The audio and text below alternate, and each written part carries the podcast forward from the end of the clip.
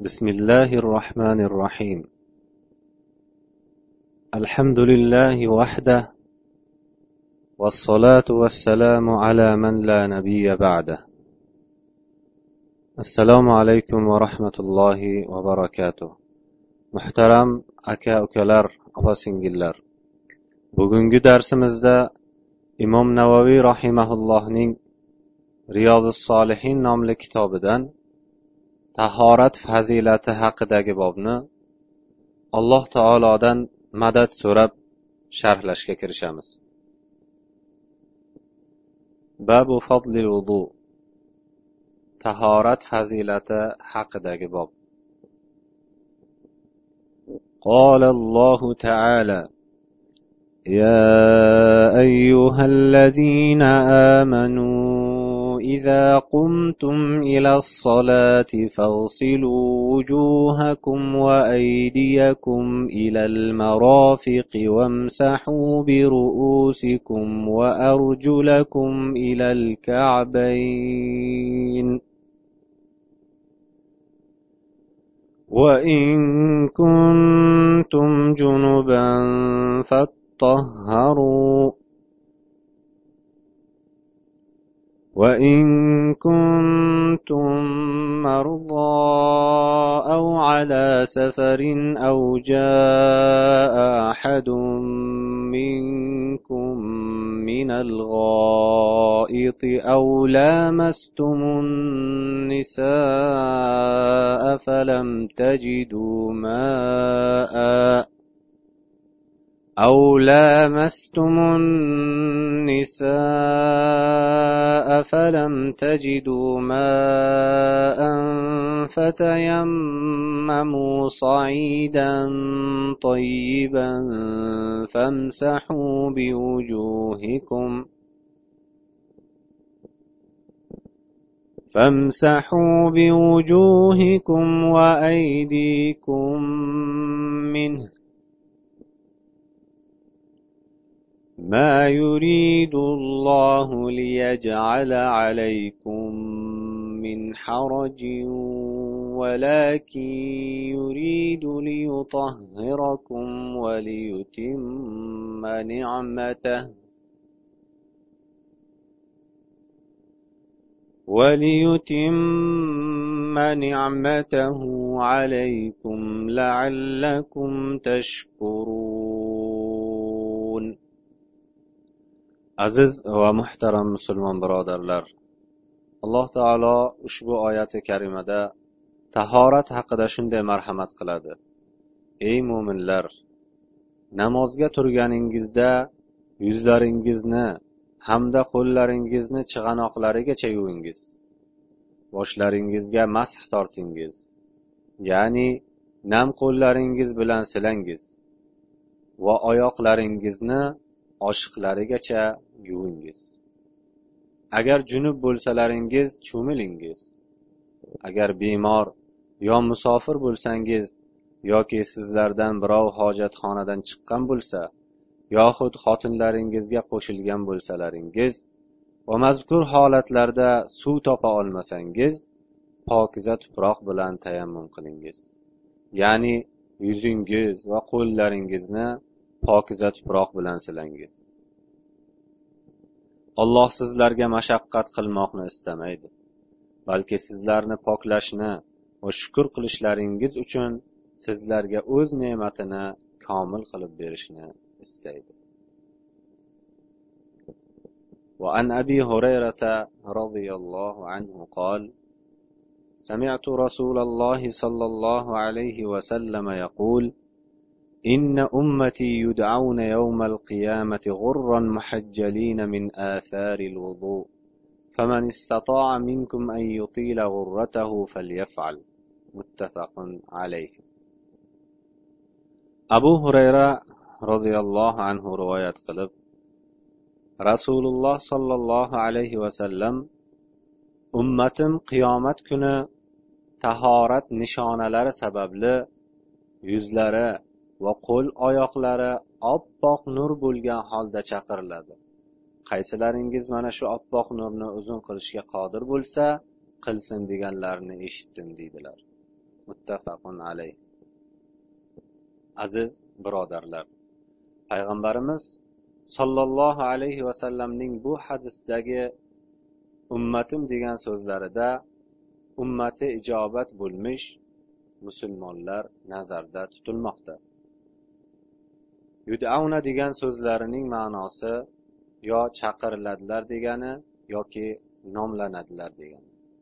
Arab tilidagi g'urra kalimasi aslida ot peshonasidagi oq qashqa bo'lib keyinchalik go'zallik timsoli shon shuhrat va yaxshi nom bilan eslanish ma'nosida ishlatilgan. Ushbu hadisdagi ma'nosi esa muhammad sollallohu alayhi vasallam ummatining yuzlarida bo'ladigan nurdir. Ya'ni bu ummat ushbu go'zal sifat bilan sifatlangan holda qiyomat kuni barcha haloyiqning ko'z oldida shu sifat bilan chaqiriladi. Tahjil kalimasi esa aslida otning oyoqlaridagi oq rang bo'lib bu hadisda nur ma'nosida ishlatilgan.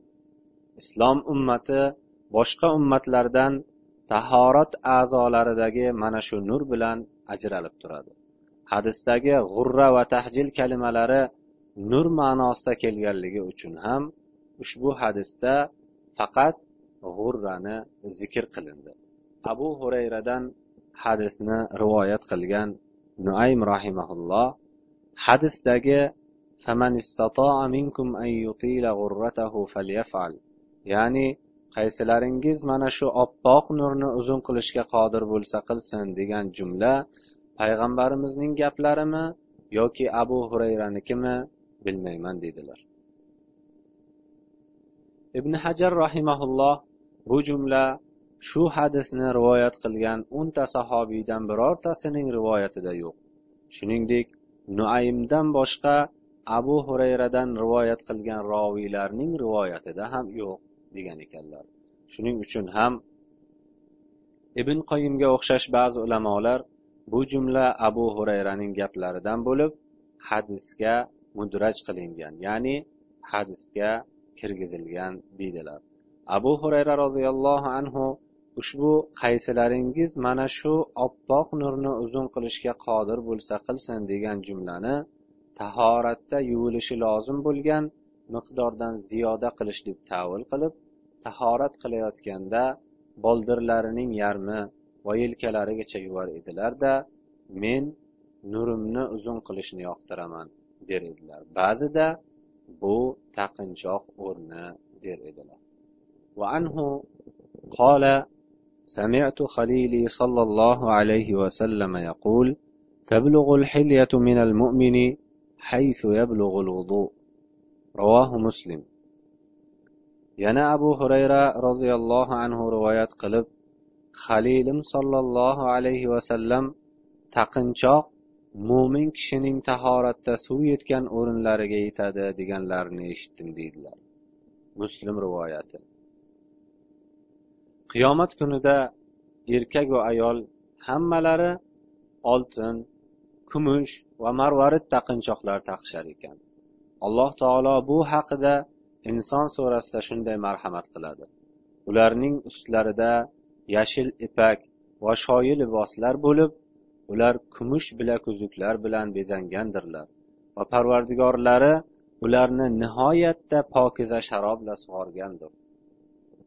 Haj surasida esa albatta olloh iymon keltirgan va yaxshi amallar qilgan zotlarni ostidan daryolar oqib turadigan jannatlarga dohil qilur.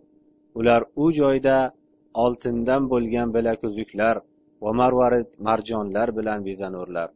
Liboslari esa harir ipak bo'lur deydi. Ushbu oyatlar jannatdagi har bir erkaku ayol mana shu uch turdagi taqinchoqlar bilan bezanishi va bu taqinchoqlar tahoratda yuviladigan a'zolardan suv tekkan o'rinlargacha yetib borishiga dalolat qiladi. Demak insonning bilaklari oltin kumush va marvarid taqinchoqlar bilan to'liq bezatilar ekan bu esa o'z uz o'zidan tahoratning fazilati naqadar buyuk ekanligini yaqqol namoyon qiladi alloh taboraka va taolodan hammamizni jannat ahlidan qilishini va unga kirishga sabab bo'ladigan barcha ezgu amallarni qilishga muvaffaq qilishini so'rab qolamiz وعن عثمان بن عفان رضي الله عنه قال قال رسول الله صلى الله عليه وسلم من توضأ فأحسن الوضوء خرجت خطاياه من جسده حتى تخرج من تحت أظفاره. رواه مسلم. عثمان بن عفان رضي الله عنه رواية قلب ايتدل رسول الله صلى الله عليه وسلم كم كم تحارت قلب ونه اعلى درجه darajada amalga oshirsa uning gunohlari jasadidan hattoki tirnoqlari ostidan chiqib ketadi deganlarini eshitdim. Muslim rivoyati. Demak tahorat qilish inson gunohlari to'kilishiga sabab bo'lar ekan. Bu esa nafaqat qo'l oyoqlar balki uning tirnoq ostilariga o'xshash nozik o'rinlaridan ham gunohlari to'kilishiga olib kelar ekan. Bu kabi hadislar tahoratning naqadar ulug' bir ibodat ekaniga dalolat qiladi. Shunday ekan bu ulug' ibodatni qilayotgan vaqtda mo'min kishi quyidagi narsalarni his qilishi kerak bo'ladi. Birinchidan bu bilan alloh taologa qurbat hosil qilayotganini his qilishi kerak. Ikkinchidan tahorat qilayotganda alloh taoloning ey mo'minlar namozga turganingizda yuzlaringizni hamda qo'llaringizni chig'anoqlarigacha yuvingiz.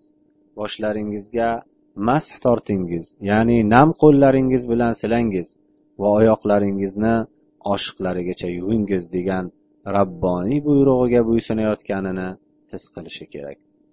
Uchinchidan tahorat qilayotganda rasululloh sollallohu alayhi vasallamning sunnatlariga ergashayotganini his qilish.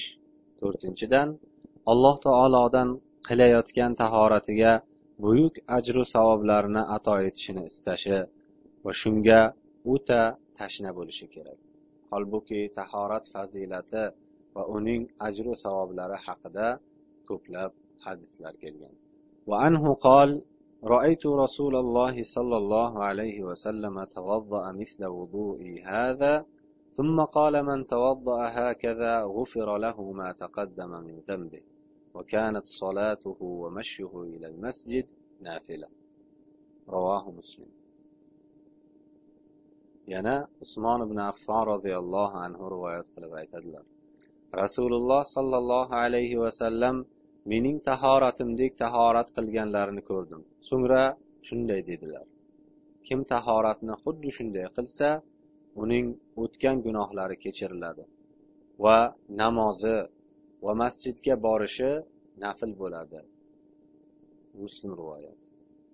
Aziz va muhtaram musulmon birodarlar islom ummati burungi boshqa ummatlardan farqli o'laroq umri qisqa bo'lishiga qaramasdan qiladigan ozgina solih amaliga juda katta ajru mukofotlar olar ekan. Payg'ambarimiz sollallohu alayhi vasallam ushbu hadisda kim tahoratni xuddi shunday qilsa uning o'tgan gunohlari kechiriladi va namozi va masjidga borishi nafl bo'ladi dedilar. Boshqa hadisda esa besh vaqt namoz shu namozlar oralaridagi gunohlarga kafforat bo'ladi dedilar. Yana boshqasida modomiki katta gunohlardan chetlanilar ekan besh vaqt namoz va juma keyingi jumagacha va ramazon keyingi ramazongacha qilingan gunohlarga kafforat bo'ladi degan ekanlar. Agar biron kishi tahorat gunohlarga kafforat bo'ladi deyilsa namoz nimalarga kafforat bo'ladi? Bordiyu namoz gunohlarga kafforat bo'ladigan bo'lsa jumalar va ramazonlar nimalarga kafforat bo'ladi? Shuningdek arafa kuni ro'za tutish ikki yilga kafforat oshuro kuni ro'za tutish bir yilga kafforat bo'ladigan bo'lsa yana kimning omin deb duo qilishi farishtalarning omin deganiga mos kelsa uning o'tgan gunohlari kechirilishiga sabab bo'lsa buni qandoq tushunmoq lozim deb e'tiroz bildirsa nima deb javob beriladi? Bunga javobni imom navoiy sahih muslim sharhida shunday zikr qiladilar. Ulamolar aytishlaricha mazkur narsalardan har biri gunohlarga kafforat bo'lishga yaraydi agar kafforat qiladigan sag'ira gunohlar topilsa o'shalarga kafforat bo'ladi. Agar kabira va sag'ira gunohlar topilmasa mazkur narsalar sababli hasanotlar yozilib darajalar ko'tariladi. Agar kabira gunohlar uchraydigan bo'lsayu sag'ira gunohlar topilmasa o'sha kabira gunohlarni yengillatadi deb umid qilamiz. Vallohu alam. Payg'ambarimiz sollallohu alayhi vasallamning ushbu hadisdagi va namozi va masjidga borishi nafl bo'ladi degan so'zlarining ma'nosi quyidagicha ya'ni uning o'qiydigan namozi va masjidga yurib borishi tahorat a'zolariga bog'liq bo'lgan gunohlarning kafforat bo'lishiga qo'shimcha bo'lar ekan. agar boshqa a'zolarning gunohlari bo'lsa o'shalarga kafforat bo'ladi bo'lmasa unda darajalarining baland bo'lishiga sabab bo'ladi وعن أبي هريرة رضي الله عنه أن رسول الله صلى الله عليه وسلم قال إذا توضأ العبد المسلم أو قال المؤمن فغسل وجهه خرج من وجهه كل خطيئة نظر إليها بعينيه مع الماء أو قال مع آخر قطر الماء فإذا غسل يديه خرج من يديه كل خطيئة كان بطشتها يداه مع الماء أو قال مع آخر قطر الماء. فإذا غسل رجليه خرجت كل خطيئة مشتها رجلاه مع الماء أو قال مع آخر قطر الماء حتى يخرج نقيا من الذنوب. ravohi muslim. Abu hurayra roziyallohu anhu rivoyat qilishlaricha rasululloh sollallohu alayhi vasallam shunday degan ekanlar. Muslim yoki mo'min banda tahorat qilib yuzini yuvsa uning yuzidan ikki ko'zi bilan qarab qilgan barcha gunohlar suv bilan yoki oxirgi qatra suv bilan chiqib ketadi. Ikki qo'lini yuvsa ulardan qo'llari bilan qilgan barcha gunohlari suv bilan yoki oxirgi qatra suv bilan chiqib ketadi. Ikki oyog'ini yuvsa oyoqlari bilan yurib qilgan barcha gunohlari suv bilan yoki oxirgi qatra suv bilan chiqib ketadi. Hatto gunohlardan pokiza holda chiqadi. Muslim rivoyat. Bu hadis sharif ham tahorat amalining fazilatiga dalolat qiladi. Hadisdagi muslim yoki mo'min banda va suv bilan yoki oxirgi qatra suv bilan degan jumlalar hadisni rivoyat qilgan roviy tarafidan qilingan shakdir. Chunki rasululloh sollallohu alayhi vasallam birinchi jumlada yo muslim deganlar yoki mo'min ikkinchi jumlada esa yo suv bilan yoki oxirgi qatra suv bilan deganlar. Vallohu alam. Ushbu muborak hadisda muslim yoki mo'min banda tahorat qilib yuzini yuvsa uning yuzidan ikki ko'zi bilan qarab qilgan barcha gunohlar suv bilan yoki oxirgi qatra suv bilan chiqib ketadi deyilib buni mo'min musulmonlarga xoslandi. Chunki kofir kishining qilgan tahorati bironta ham gunohiga kafforat bo'lmaydi. Aziz va muhtaram birodarlar mana shu hadis bilan ushbu darsimizni yakunlaymiz va alloh taolo xohlasa kelgusi darsimizda tahorat fazilati haqidagi bobda zikr qilingan boshqa hadislarning sharhlarini davom ettiramiz.